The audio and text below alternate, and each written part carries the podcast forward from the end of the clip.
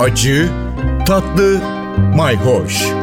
Yemek kültürü yazarı Aydın Öneytan'la bir tutam tarif, biraz da tarih.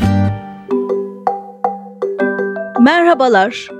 Bu hafta birazcık kış sebzelerine girelim dedim. Kış sebzeleri deyince özellikle de kök sebzeler aslında kış sebzelerinin, kök sebzelerin hepsinin daha önce konusunu yaptık. Lahana, pırasa, kök sebzelerden patates, pancar, kereviz bunların hepsi ayrı ayrı konu oldu. Ama bir arada olmalarına ne dersiniz?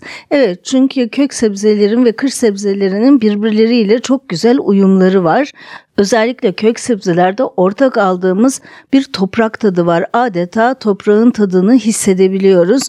En çok bu pancarda ön plana çıkıyor ama kök kerevizde de var. Şimdi bunların aslında birbirleriyle inanılmaz bir uyumu var. Ben en çok şunu yapmayı seviyorum. Her şeyden bazen bir iki tane kalır ya. Yazın bir e, fırında yaz türlüsü yapıyorum. Her şeyi doğruyorum, doğruyorum. Çok az domates. Onlar da böyle bütün bütün ufak doğranmış değil de dörtte bir şeklinde fırında zeytinyağıyla harmanlıyorum. Çok güzel yaz türlüsü oluyor veyahut da fırında sebze diyeyim. Şimdi bunun aynen kış için olanını da yapıyorum. Bunda ne yapacaksınız? Her şeyden biraz artar ya. Mesela bir kerevizi, bir iri kereviz zaten bol bol yeter.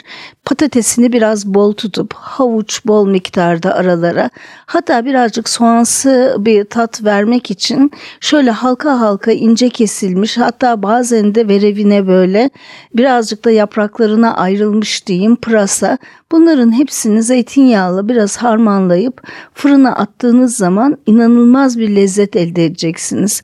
Atış serbest her şey girebilir bunun içine. Hatta lahana bile girebilir ufak böyle kuşbaşı kesilmiş halde.